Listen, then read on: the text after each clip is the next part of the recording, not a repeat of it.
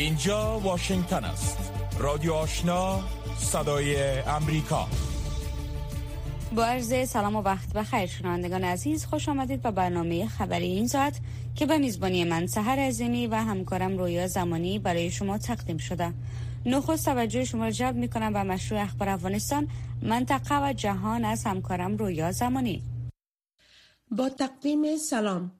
بعد از زلزله محب اوایل روز چهارشنبه در ولایت های خوست، پکتیکا و ننگرهار سازمان های بین المللی از کمک های فوری به مناطق آسیب دیده خبر دادند. تازه ترین انکشافات در عرصه رسیدگی به آسیب دیدگان زلزله را از قدیر مشرف مشنوید. UNHCR در صفحه تویترش از کمک های اولیه و ارسال چند متخصص به منطقه خبر داده و گفته است که این کمک ها شامل خیمه و اجناس مورد استفاده در منزل می شود. از سوی هم اداره انکشاف بینالمللی برای افغانستان یا UNDP ضمن ایستادگی با ادارات بینالمللی در کمک رسانی با زلزله زدگان در افغانستان گفته است که اولویت این اداره در حال حاضر احیای دوباره منازل و اقتصاد و معیشت آسیب دیدگان زلزله افغانستان است. IOM یا اداره بینالمللی مهاجرت همچنان از توزیع مواد کمکی اولیه خبر داده و گفته است که آمار کشته و زخمی های زلزله در حال افزایش می باشد. راشد خان ستاره معروف کرکت افغانستان و جهان به صدای امریکا گفته است که کارزار را برای جمع آوری کمک های مالی برای خانواده های آسیب دیده آغاز کرده و با انتشار یک پیام ویدیویی در صفحات اجتماعی خود از جهانیان درخواست کمک کرده است.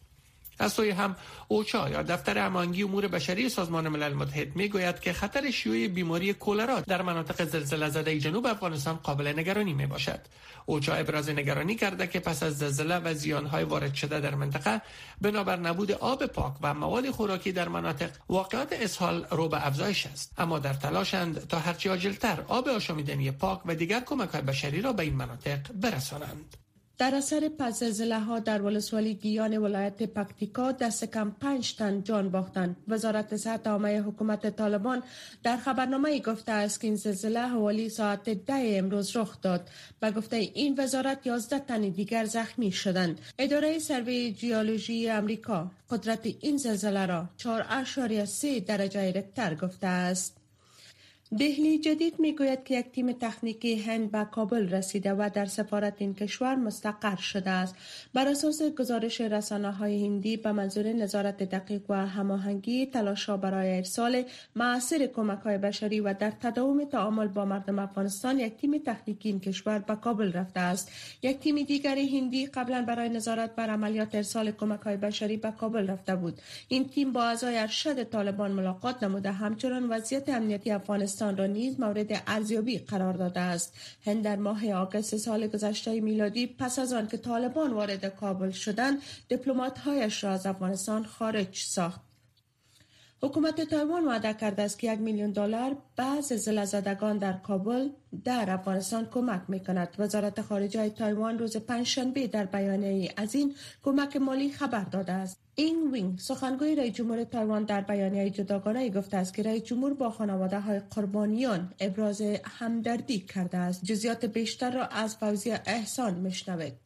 پیش از این شماری از کشورهای دیگر نیز اعلام کرده بودند که با زلزله زدگان در افغانستان کمک می کنند. به اساس یک خبر دیگر اداره کمیشنری عالی سازمان ملل متحد در امور پناهندگان در کانادا برای جمع آوری کمک به زلزله زدگان در افغانستان کمپاین تازه را آغاز کرده است. این اداره از صبح روز پنجشنبه صفحه جدید اینترنتی را به هدف جمع آوری کمک به خانواده های زلزله زده در افغانستان ایجاد کرده و از همه مردم خواسته است تا کمک های خود را از این طریق در اختیار افغان های نیازمند قرار بدهند. این اداره گفته است که کمک های مالی کانادایی ها به سرعت در اختیار بازماندگان زلزله اخیر و خانواده های کسانی که در این رویداد جانهای خود را از دست دادند رسانده خواهد شد. از سوی دیگر میلانی جولی وزیر خارجه کانادا در پیام با زلزله زدگان در افغانستان ابراز همدردی کرده است. او در پیامش گفته است که کانادا به کمک های خود با مردم افغانستان ادامه می دهد اما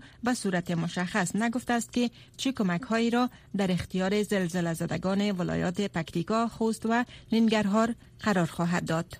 یک مقام نظامی منطقه اوکراین می‌گوید که نیروهای این کشورش از شهر معاصره شده سیروزدونسک عقب نشینی خواهند کرد زیرا به گفته این مقام اوکراینی ماه هاست که این شهر شرقی مورد حمله متداوم نیروهای روسی قرار دارد و مقاومت در آن منطقی نخواهد بود. پارلمان اروپا روز پنجشنبه برای اعطای نامزدی اوکراین به اتحادیه اروپا رای قاطع داد. این اقدام اوکراین را یک گام نزدیکتر به متحدان غربیش می سازد که چهار ماه به این سو با مقادیر عظیم از سلاح جنگی کیف را در مبارزه علیه روسیه کمک می کنند ولادیمیر زلنسکی رئیس جمهور اوکراین در توییترش نگاشته است که لحظه خاصی و تاریخی در روابط اوکراین و اتحادیه اروپا است.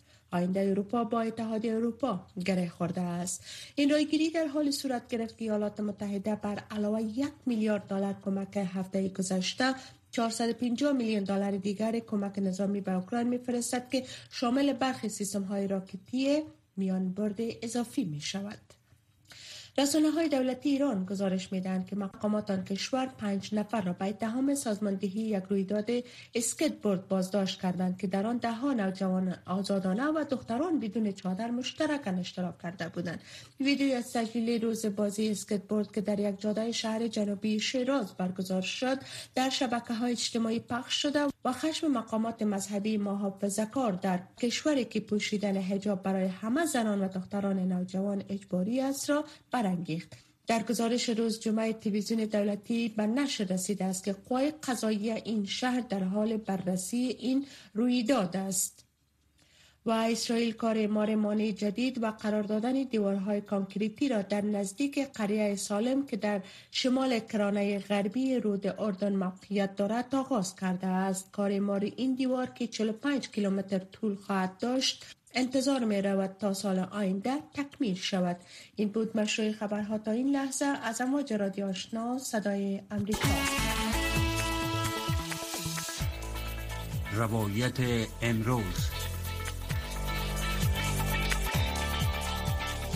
مصاحبه ها، گزارش ها و تحلیل ها در مورد وضعیت کنونی افغانستان و جهان هر شب. از ساعت نونیم تا ده شب از امواج رادیو آشنا صدای امریکا.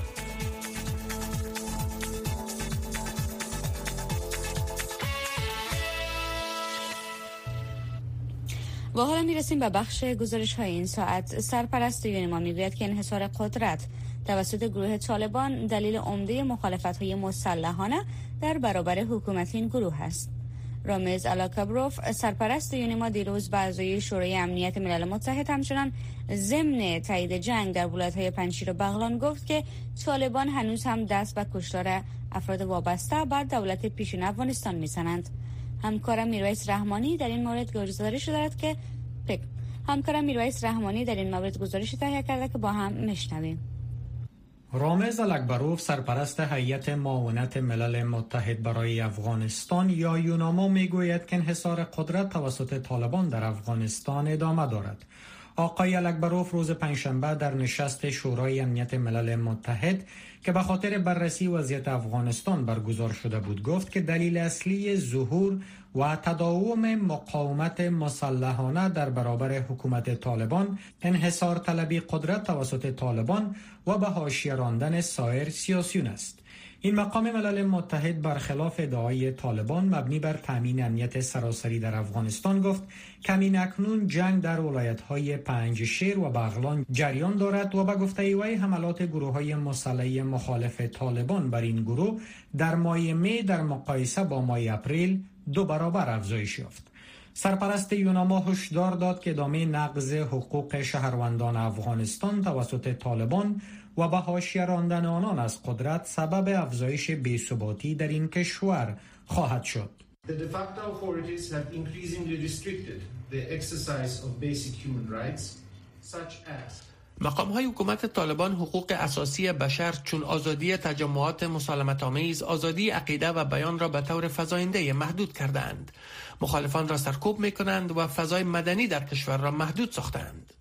رامز الاکبروف وضعیت حقوق بشر در افغانستان را خطرناک توصیف کرد و افزود که وضع محدودیت ها به ویژه بر حقوق و آزادی های زنان و دختران افغان توسط طالبان ادامه دارد.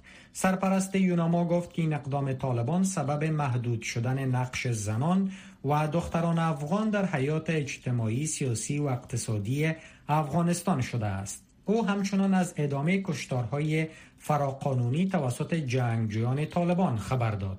Despite the adoption of the general amnesty and repeated assurances by the de facto authorities با وجود تصویب عفو عمومی و تضمین های مکرر توسط حکومت طالبان مبنی بر رعایت آن یوناما هنوز هم ادعاهای موثق کشتارها بدرفتاری و سایر موارد نقض حقوق افراد مرتبط با دولت پیشین افغانستان را دریافت می کند سرپرست یوناما افزود که با وجود همه این دشواری ها به باور وی استراتژی ادامه تعامل و گفتگو با طالبان یگانه راه به خاطر رسیدگی به نگرانی های مردم افغانستان و همچنان امنیت منطقه و جهان است.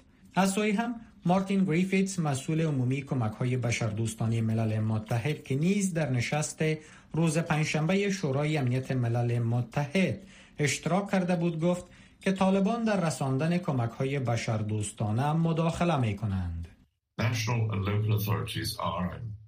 sorry to say, play a role in the selection of beneficiaries and channeling assistance to people متاسفانه باید بگویم که مقام های حکومت طالبان در سطح ملی و محلی به طور فضاینده خواستار نقش در انتخاب افراد مستحق دریافت کمک و رساندن این کمک ها به افرادی که در فهرست اولویت آنها قرار دارند. های طالبان از ما در مورد معلومات درباره بودجه و قرارداد کارمندان ما نیز افزایش یافته است. این مقام ملل متحد گفت که مداخله طالبان در روند رساندن کمک های بشردوستانی ملل متحد به افغانها خلاف وعده این گروه بوده و اضافه کرد که از شش ماه گذشته به این سو ملل متحد با کمبود 3 میلیارد دلار بودجه به خاطر رسیدگی به نیازمندی های افغان ها روبرو بوده است. حکومت طالبان تا تهیه این گزارش در مورد اظهارات این دو مقام ارشد ملل متحد اظهار نظر نکرده بود اما در گذشته هر گونه ادای نقض حقوق بشر را رد کرده است.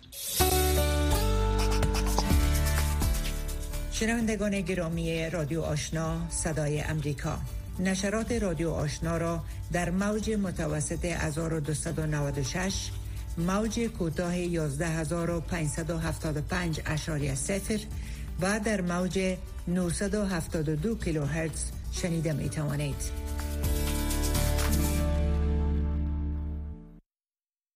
حکومت طالبان از اعزام تیم تکنیکی هند و مستقر شدن اعضای آن در سفارت آن کشور در کابل استقبال کرد.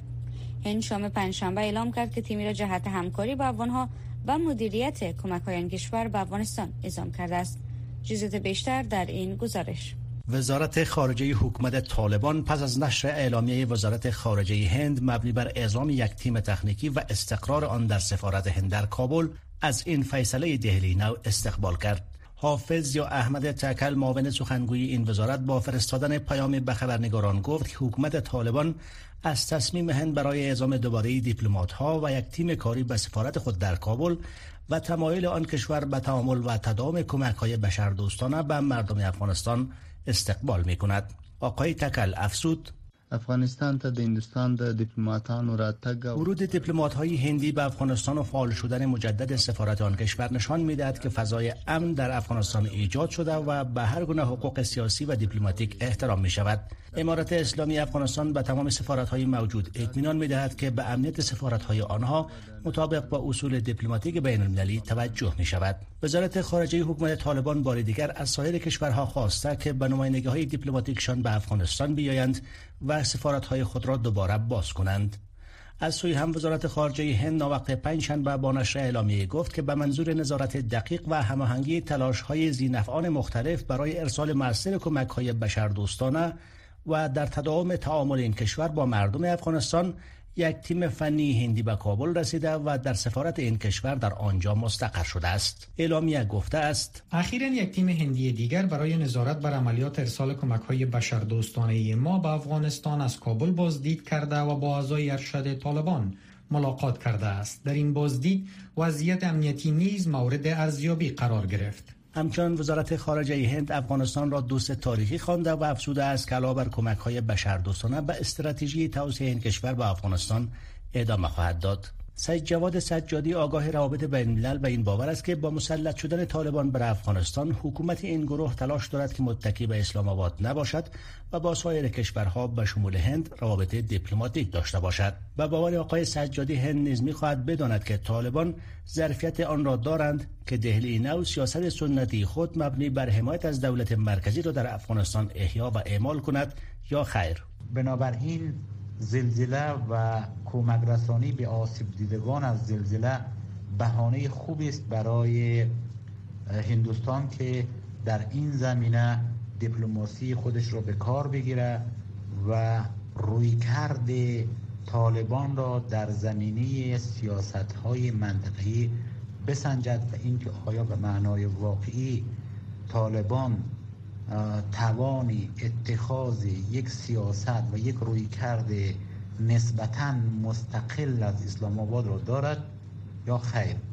با گفته آقای سجادی حکومت طالبان و هند به دنبال باز کردن روزنه های جدید در زمینه دیپلماسی اند و می‌خواهند که مناسبات جدید را میان دو کشور ایجاد کنند. این آگاه روابط بین با اشاره به رقابت های دیرینه اسلام آباد و دهلی نو در افغانستان گفت که این دو کشور همواره تلاش کردند تا جای پای محکمی در افغانستان برایشان باز کنند که در خصوص داشتن روابط نسبت به رقیب خود از جایگاه بالاتر برخوردار باشند.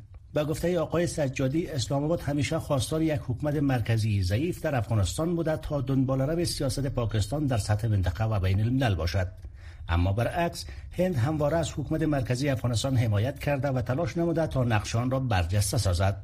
این در حال است که پس از مسلط شدن طالبان بر افغانستان برای نخستین بار یک هیئت بلندپایه هندی در اوایل ماه جوزا در سفر به کابل با مقامات بلندپایه طالبان نیز دیدارهای داشت. همچنان حکومت طالبان پیش از این از هند خواسته بود که سفارت و نمایندگاه دیپلماتیک خود را در افغانستان دوباره فعال سازد.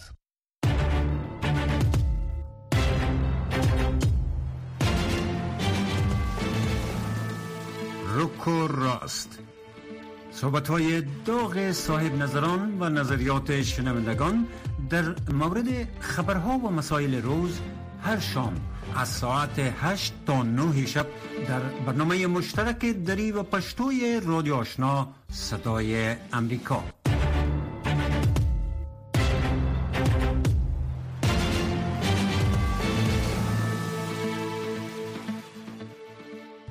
جو بایدن رئیس جمهور ایالات متحده برای شرکت در دو نشست بزرگ به اروپا می رود. در فهرست کاری آقای بایدن در این سفر آزمون های زیادی شامل است. با شمول اینکه چگونه دموکراسی های غرب می کنند حمایت خود را به اوکراین در بحبوحه تهاجم روسیه ادامه دهند؟ چگونه می کنند با نفوذ رو به رشد چین مبارزه کرده؟ و جلوی درگیری را بگیرند و چگونه ثروتمندترین و آزادترین کشورهای جهان می‌توانند این مقطع زمانی نامطمئن همگیری تغییرات اقلیم و های اقتصادی جهانی را پشت سر بگذارند. گزارش انیتا پایل خبرنگار صدای آمریکا را از همکارم قدیر مشرف مشنوید جو بایدن سفرش را به اروپا جهت شرکت در نشست سران هفت اقتصاد بزرگ جهان در آلمان آغاز می کند جایی که این رهبران موضوعات مثل آزمون های اقتصادی جهان زیربناها وقت به نهایت کم برای تغییرات اقلیم و مسئولیت انرژی و تداوم درگیری در اوکراین را بحث خواهند کرد. جان کربی هماهنگ کننده ارتباطات استراتژیک در شورای امنیت ملی ایالات متحده به صدای امریکا گفت که سران کشورهای عضو گروه هفت قصد دارند در چندین جهت به موضوعات بپردازند. ما مشتاقانه به دنبال یک موضوع هستیم و آن این که اکنون رهبریت امریکا کار می کند برای متحدین و شرکای ما برای مردم امریکا نتایج را ارائه کرده و تولید می کند که در حقیقت امنیت ملی ما را بهبود می بخشد مسئولیت انرژی را در کشور ما و جهان کمک می کند و همچنان به ایمال هزینه و پیامدها برای این جنگ بدلیل آقای پوتین ادامه می دهد. مقامات قصر سفید می‌گویند که رهبران هفت کشور بزرگ اقتصادی جهان برای پیشبرد دورنمای از جهان مبتنی بر آزادی و باز بودن و همچنان راه اندازی یک مشارکت زیربنایی جهانی تلاش خواهند کرد که به نظر می رسد شبیه طرح یک کمربند یک راه چین است انتظار می رود ولادیمیر زلنسکی رئیس جمهور اوکراین در این نشست به گونه آنلاین سخنرانی کند. آقای بایدن پس از آلمان به اسپانیا خواهد رفت تا در دومین نشست امسال سران ناتو شرکت کند. سی عضو ناتو نخست تلاش کردند تا جلو تهاجم روسیه را بر اوکراین بگیرند. وقتی در تحقق این مهم ناکام ماندند، سلاح و حمایت خود را به اوکراین سرازیر کرده و در عین حال تذیرات شدید اقتصادی را بر روسیه وضع کردند. در صدر اینها ناظرین ناتو چون کتلین مک اینیس از مرکز بینالمللی مطالعات استراتژیک می‌گوید که متحدین ناتو تلاش خواهند کرد تا هدف پیمان نظامی ناتو را دوباره تعریف کنند. یک اجندای بزرگ است. آنان همچنان ملاقات کرده و از آنچه مفهوم استراتژیک مینامند حمایت خواهند کرد. این یک اصطلاح تکنیکی است. اما نکته اساسی اینجاست که این اعلامیه ناتو در مورد آن چیست که قرار است این پیمان در ده تا 15 سال آینده انجام دهد. یک موضوع فشار آورنده در این نشست درخواست عضویت فنلند و سویدن جهت شمولیت در پیمان ناتو است. این کشورها با مخالفت ترکیه عضو این پیمان مواجهاند که با این کشورها مخالفت کرده و ادعا می کند که از یک تحریک تندرو کردها حمایت می کنند انقره می خواهد که این دو کشور قوانین ضد دهشت افغانی خود را بهبود بخشیده ممنوعیت فروش سلاح به ترکیه را پایان بخشند و افراد مشخص من جمله چندین خبرنگار کردی را به ترکیه مسترد کنند. افرادی که انقره ادعا می کند بخشی از تحریک افرادگرایانند. فکر می کنم که یک اشتباه است. اگر سازش با رئیس جمهور اردوغان رد شود می توانستم پنج دقیقه را صرف نشان دادن مسائل کنم که در آن نقش داشتم. فکر می کنم این هم یک اشتباه خواهد بود. اگر رد کنیم که اردوغان در آخرین دقیقه اعتماد را مختل ساخته و همه چیز را به بحران بکشاند. می توانم پنج دقیقه را برای فهرستوار ساختن اینها هم صرف کنم. بنابراین هیئت منصفه دیگر وجود ندارد. این ماه تنها نشست رهبران کشورهای قدرتمند جهان برگزار نمی شود رهبران سازمان برکس یا برزیل روسیه هند چین و آفریقای جنوبی نیز در این هفته به گونه مجازی با هم ملاقات خواهند کرد. در آن نشست رئیس جمهور چین منتقد اهداف ایالات متحده در اوکراین و جهان خواهد بود. این نشست ها همچنان سوالات عمیقتری را مطرح می کنند این که نزدیک به هشت دهه پس از ختم جنگ جهانی دوم اکنون کدام کشورها جهان را در کنترل خود برد روکو راست. صحبت های داغ صاحب نظران و نظریات شنوندگان در مورد خبرها و مسائل روز هر شام از ساعت 8 تا 9 شب در برنامه مشترک دری و پشتوی رادیو آشنا صدای امریکا کنفرانس سالانه جوانان افغان در ایالت کالیفرنیای امریکا با حضور صدها جوان افغان برگزار شد. هدف از برگزاری این کنفرانس که برای سه روز در دانشگاه ایالتی دیوس ادامه داشت مشارکت جوانان افغان برای بهتر ساختن آینده افغانستان خوانده شده. جزئیات بیشتر در گزارشی از همکارم فهیم صدیقی این کنفرانس با حضور دهاتن از جوانان تحصیل کرده افغان در پوهنتون ایالتی دویس برگزار شد و برای سه روز ادامه داشت.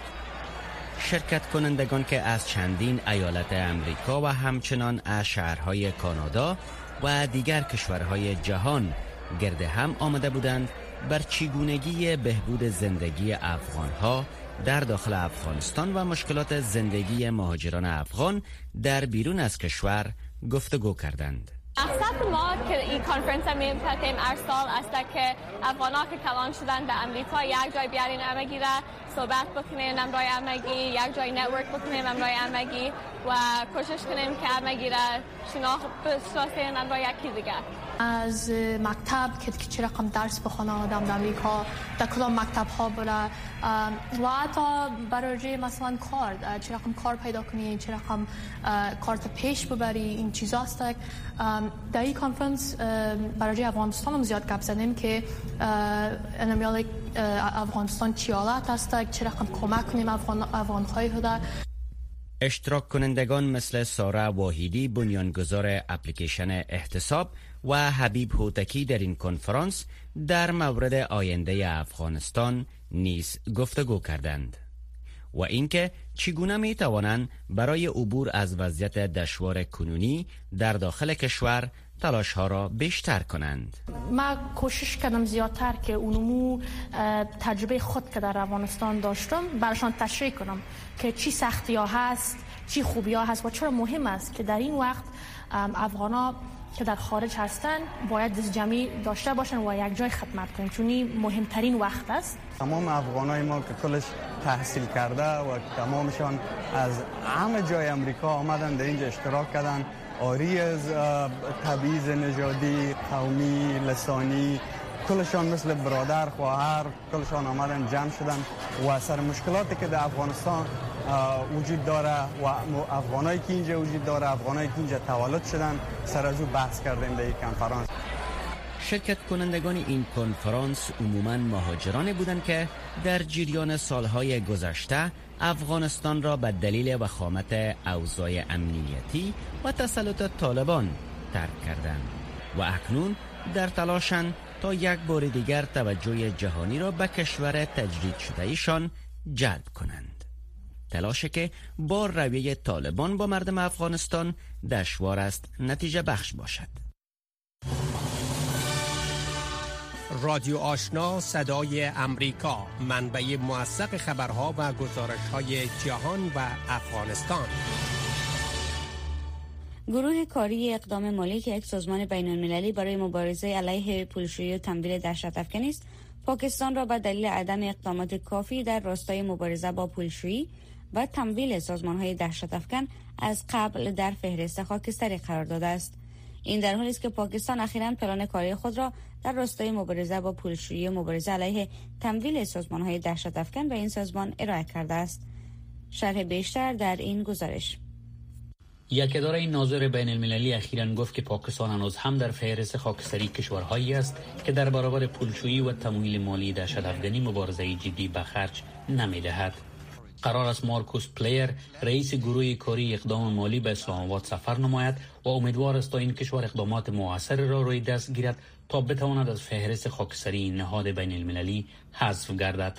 هنا ربانی که هر معاون وزیر امور خارجه پاکستان گفت که گروه کاری اقدام مالی پیشرفت‌های قابل توجه پاکستان را در برابر مبارزه با پولشی و تمویل دهشتافغانی تصدیق نموده است. بسیار خوشحال هستم که اعلام نمایم پاکستان پلان کاری هفت مادهی خود را که سوی گروه کاری اقدام مالی تعیین شده بود یک سال قبل از میاد معینه آن تکمیل نموده است. این پلان کاری در برگیرنده اصلاحات و اقدامات جامعی در عرصه مبارزه علیه پولشویی و مبارزه علیه تمویل مالی دهشت افغانی می باشد که پاکستان آن را روی دست گرفته است و این نتیجه از تلش های کاری متداوم ما تلقی می شود. انتظار می رفت که گروه کاری اقدام مالی در جریان نشستی که در برلین برگزار نمود پاکستان را از فهرست خاکستری خیش حذف نماید ولی آقای پلیر خاطر نشان نمود که گروه کاری اقدام مالی در نظر دارد تا موضوع حذف پاکستان را از فهرست خاکستری قبل از ماه اکتبر سال روان مورد بررسی قرار دهد و متعاقب آن اعلام رسمی در این زمینه صورت خواهد گرفت یک نهاد تحقیقاتی مستقر در پاکستان می گوید از زمانی که این کشور در سال 2018 در فهرست خاکستری قرار گرفت اقتصاد این کشور حدود 38 میلیارد دلار متضرر شده است بلال میمون مدیر مسئول ثبت حوالات تجارتی می‌گوید این بار اول است که پاکستان خود روی پلان کاری در راستای مبارزه علیه پولشویی و مبارزه علیه تمویل دهشت افغانی دست به کار می شود. پاکستان هنوز هم از فهرست خاکستری حذف نشده است قرار است این اقدام در ماه اکتبر صورت گیرد ولی صرف نظر از نتیجه آن این اولین بار است که از جانب پاکستان چنین یک پلان کاری صورت گرفته است و این یک خبر خوبه برای ما می باشد و انتظار می رود که وضعیت مارکت سهام بهبود یابد این نهاد بین المللی پاکستان را در سال 2018 در فهرست خاکستری خود قرار داد و به این کشور فرصت داده است تا با تصویب قوانین نظارتی در مقابله با پولشویی و مقابله در تامین مالی دهشت افغانی اقدامات جدی به خرج دهد. صدای شما. صدا و نظریات شما در مورد مسائل سیاسی اقتصادی فرهنگی اجتماعی و سی از ساعت ده تا دو نیم شب. در برنامه مشترک دری و پشتوی رادیو آشنا صدای امریکا.